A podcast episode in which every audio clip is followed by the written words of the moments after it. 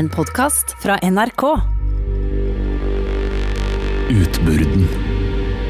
Eller De drepte barna som kom tilbake for å ta hevn. Kategori dødsvesen. Alenevesen. Farlighetsgrad livsfarlig. Et av de mest ondskapsfulle vesenene. Kjennetegn viser seg som et blekt, skittent og utsultet barn på mellom seks og tolv år. Skrik, gråt og noen ganger sang. Beskrivelse Gjenganger av et udøpt barn som har blitt drept. Viser seg der den døde barnekroppen ble gjemt. Stalker ensomme tilfeldige forbipasserende. Trygler om å få et navn fordi den aldri ble døpt. Og henger seg på ryggen til folk som kommer forbi stedet hvor de er gravlagt.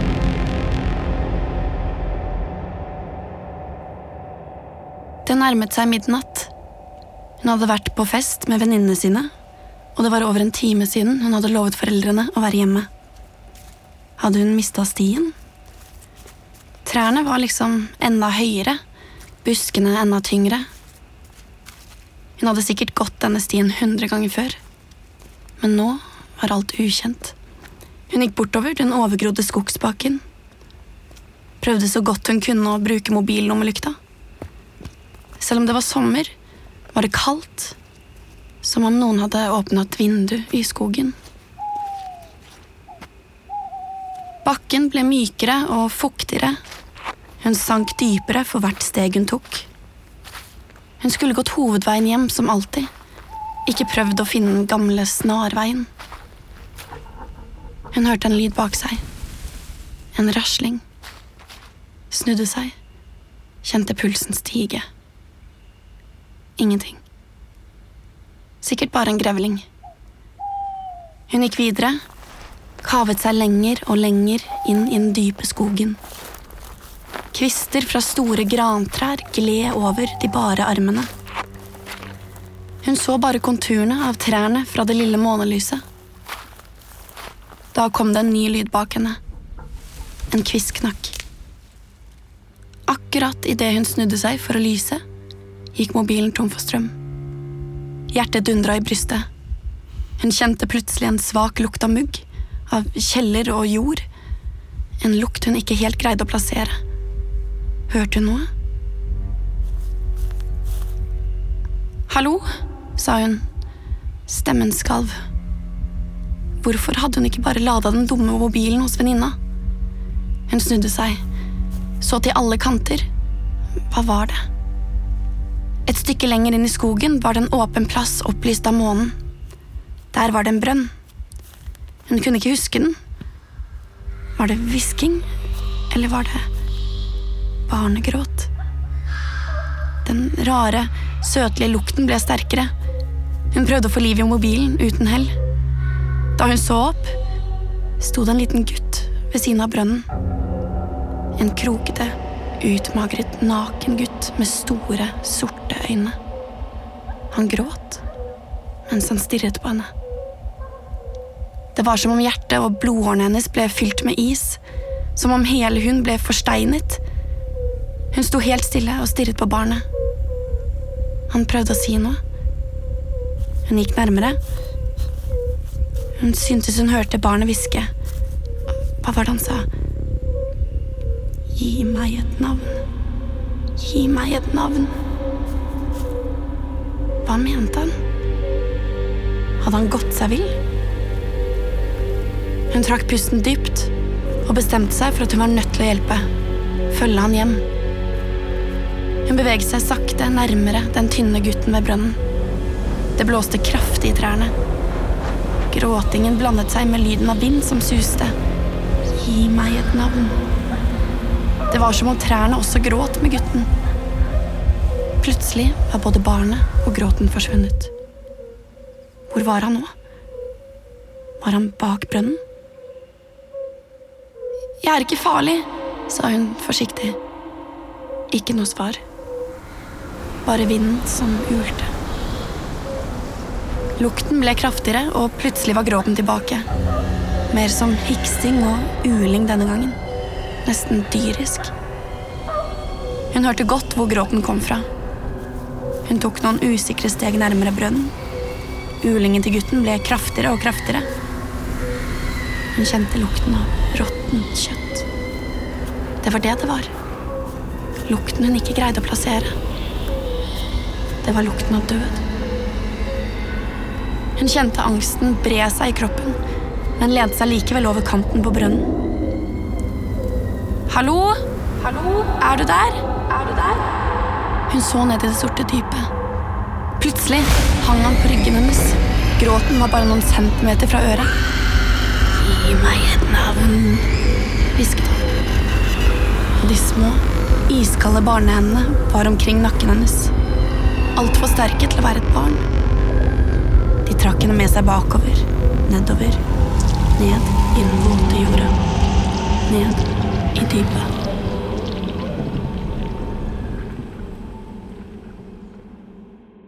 Det er klart for å ønske deg velkommen til Grøss og gru, podkastserien for deg som vil bli en ekspert på vesener fra nordisk folketro.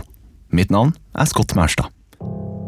Før du hører videre, vil jeg at du skal finne fram en saks, eller en annen gjenstand i stål. Det er for beskyttelse. I denne serien skal du få høre historiene om de gamle vesenene folk her i nord har trodd på i århundrer. Marene, de underjordiske, gjengangerne. Fortellinger som har gått fra generasjon til generasjon, men som nå har blitt glemt og ligger og samler støv i hvelvene på universiteter i Norge, Sverige og Danmark. Men noen hevder å ha møtt disse vesenene, og at de fortsatt lever blant oss i dag. Folketroen hjalp mennesker med å forstå og håndtere det skremmende i livet, f.eks. sykdommer, ulykker og uhell. Og nei, menneskene før i tiden var ikke dumme. De hadde bare ikke tilgang til den vitenskapen og kunnskapen vi har i dag. Du skal få lære hvordan du vet at en hamskifter, du vet sånne som kan forvandle seg til andre mennesker eller dyr, er i nærheten, og hva du skal gjøre for å beskytte deg mot dem. Eller hva om du opplever et plutselig temperaturfall i rommet, og det blir helt iskaldt? Etter å ha hørt denne serien vet du at dette er et av tegnene på at en gjenganger er i rommet. I denne episoden skal du få høre om et av de aller mest fryktinngytende vesenene. Utburden. Eller de drepte barna som kom tilbake for å ta hevn. Utburd var sjeler etter babyer som var satt alene i skogen for å dø, og de var livsfarlige. Hvis man hørte barnegråt og skrik inne i skogen, måtte man komme seg unna så fort man bare klarte. I verste fall kunne utburden henge seg på ryggen til folk som en tung ryggsekk, og da måtte man bære den på ryggen til nærmeste kirkegård. Hvis utburden syntes den som bar den gikk for sakte, kunne den bli rasende og gjøre seg så tung at man sank ned i jorden og led en fryktelig kvelningsdød, før den lette etter et nytt offer. Som oftest traff man dem i nærheten av det stedet der den døde barnekroppen var gjemt, f.eks. ute i skogen eller under noen gulvplanker. Man trodde at utbyrden viste seg for folk når de var så gamle som de ville ha vært hvis de hadde fått leve. I noen fortellinger oppsøkte utbyrden moren sin, hun som en gang hadde drept den for å ta hevn. Historien du nå skal få høre, heter Sagnet om bankingen under gulvet.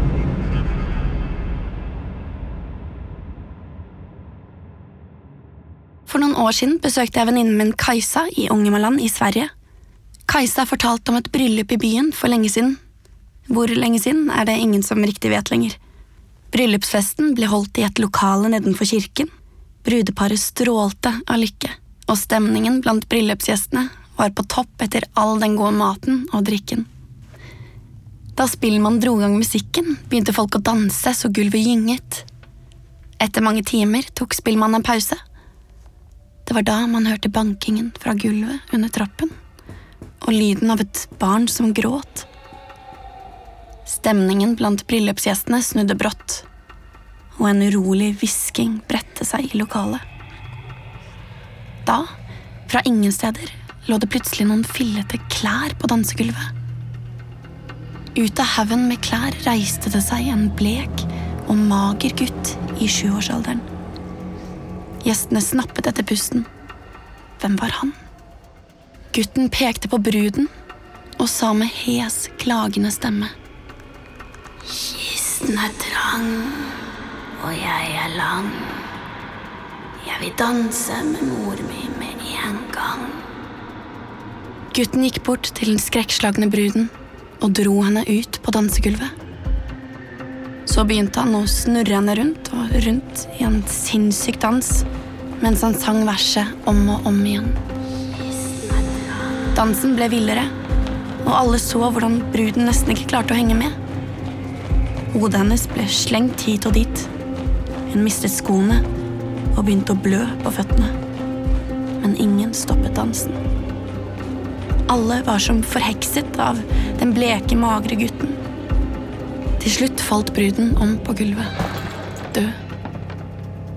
Og i samme sekund var gutten borte.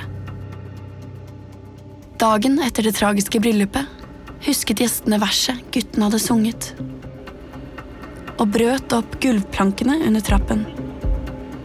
Der fant de en liten trekiste med skjelettet av et nyfødt barn inntullet i et tøystykke. Ved siden av kisten lå det en jernsaks. Da skjønte de at gutten var en utbyrd, og at det var bruden som var hans mor og morder. Saksen hadde sannsynligvis falt ned fra kistelokket da dansen var på sitt villeste, og da hadde utbyrden sett sitt snitt til å hevne sin morder. Hvis du vil se jernsaksen, så henger den på veggen ved siden av peisen i forsamlingshuset i Ytterlandås i Ångermanland. Før jeg forteller videre om utbyrden, tar jeg en liten faktastopp. I hver episode presenterer jeg noen utvalgte ting folk før i tiden brukte i magiske ritualer. Det fantes både svart og hvit magi. Med svart magi ville man skade noen eller eh, fremkalle ulykker, og den hvite magien brukte man for å hjelpe, eller helbrede, eller beskytte noen. Saksen Folk trodde at saksen ga beskyttelse mot farlige vesen og svart magi, både fordi den var laget av jern og stål, som begge hadde magiske krefter, og fordi den lignet på et kristent kors når den var åpen. Alt som hadde med kristendommen å gjøre, holdt ondskapen borte. Utburden var kjent for sine forferdelige skrik. Det kunne være sår barnegråt eller grusomme hyl, og dens høyeste ønske var å bli døpt og få et navn. Hvis noen ga den et navn, sluttet den å spøke. Her er en liten fortelling fra Rogaland. Noen jenter kom gående gjennom dalen sent en kveld. Plutselig hørte de noen forferdelige skrik. Ti stille, ditt utyske! ropte den modigste av jentene. Og stille ble det. Utbyrden hørtes helt salig ut da han ropte. Jeg har fått et navn! Jeg har fått et navn! Jeg heter Utyske! Og siden har ingen hørt gråt og jamring fra utbyrden der i dalen. Det var ikke alltid så lett å vite om utbyrden var gutt eller jente, så man kunne ofte prøve å sikre seg ved å gi den både gutte- og jentenavn. I Tysfjord i Nord-Norge ligger det en dam som heter Mølledammen. Der skal det en gang ha stått en mølle nede på berget. I gamle dager spøkte det ofte der. Folk kunne se smågutter som gikk hvileløst rundt dammen, og mange hørte også fæle barneskrik fra skogen. En gang kom en gammel kone gående forbi, og hørte en fryktelig gråt som hun visste at mange før henne hadde hørt. Kona skjønte med en gang at det var en utbyrd, og sa med høy stemme. Jeg døper deg på Von, enten Sigrid eller Jon. Da ble det stille, og siden har ingen hørt mer til den uhyggelige gråten ved Mølledammen. Noen trodde også at hvis man ikke brente eller gravde ned morkaken, eh, organet som fosteret får næring fra, straks etter fødsel, ville morkaken kunne vokse seg til et fryktelig vesen som det kunne være veldig vanskelig å bli kvitt. Vesenet ble ofte beskrevet som en skikkelse i ulveham, som lagde et vanvittig bråk ved å ule som en ulv, bjeffe som en hund, knegge som en hest, eller ja, grynte som en gris. Mange steder er lyden beskrevet som en kakafoni av alle støyende dyrelyder man kan tenke seg. Folk som hørte dette, risikerte å dø av redsel. Seter i Sør-Aurdal i Valdres skulle en kvinne føde. Den lokale jordmora og ektemannen hennes kom på setra for å hjelpe til. Da fødselen var over, la mannen morkaka oppi et trau før de dro hjem. Senere på høsten, da mannen kom opp igjen, fikk han se at det lå et stygt vesen med øyne og ører oppi trauet. Mannen ble livredd og slengte hele greia i peisen.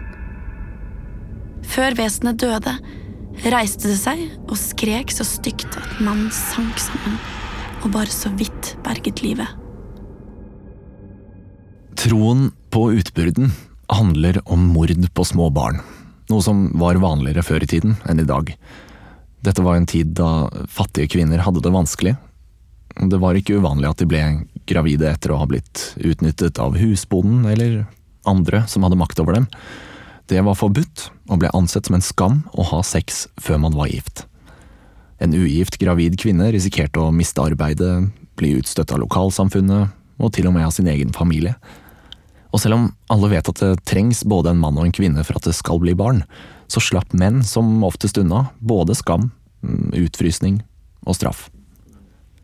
Barn født utenfor ekteskap ble kalt uekte, og de ble ikke ansett for å være like mye verdt, og hadde ikke samme rettigheter som andre barn. De uekte barna og mødrene deres fikk ofte et hardt liv. Mange barn ble satt bort til andre fordi moren ikke klarte å forsørge dem, og disse barna led ofte en for tidlig død på grunn av mangel på kjærlighet, mishandling, sult og sykdom. Det var derfor mange gravide kvinner ikke så noen annen mulighet enn å skjule den stadig voksende magen under vide klær, føde barnet i hemmelighet og drepe det gjennom å kvele det og grave ned barnekroppen ute i skogen. Disse kvinnene kunne dømmes til døden om de ble avslørt. Fram til 1700-tallet var barnemord den vanligste årsaken til dødsstraff i Norden, og på 1800-tallet var fremdeles de fleste mord spedbarnsdrap. Historier om utbyrden skulle advare om hvor ille det kunne gå hvis man hadde sex før man ble gift. Utbyrden er kanskje det av vesenet i nordisk folketro det er tristest å høre om. Heldigvis så er det mye som er annerledes nå i vår tid. I dag er alle barn like mye verdt, uansett om foreldrene er gift eller ikke. På slutten av denne episoden skal du få med deg noen magiske triks, som kanskje er litt ekle, men lett tilgjengelige. Noen av knepene folk i gamle dager brukte, inneholdt svette, spytt, blod tiss og bæsj. I dag svette. Svette kunne få noen til å bli forelsket i deg hvis du ga den du var interessert i et eple som du hadde hatt i venstre armhule. Et annet triks er å blande litt av svetten din i mat eller drikke, og servere til den du er forelsket i. Så hvis det er en du går og kikker litt ekstra på, men som ikke ser deg, det skader vel ikke å prøve? Meld meg gjerne hvordan det gikk. Jeg har ikke helt testa det selv ennå. Grøss og gru er produsert for NRK av Svarttrost Produksjoner. Mitt navn er Scott Maurstad. Du hørte også stemmen til Mathilde Jeremias Storm. Denne serien er bygget på den svenske bokserien Vesenologi av Ingela Korsell. Ninni Nyhus skrev historien du hørte i innledningen. Manusforfatter er Ingrid Greaker Myhren. Klipp og lyddesign er gjort av Peter Baden. Redaktør i NRK er Gitte Kalmeier.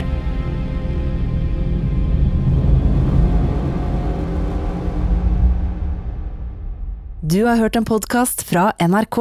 Hør flere podkaster og din NRK-kanal i appen NRK Radio.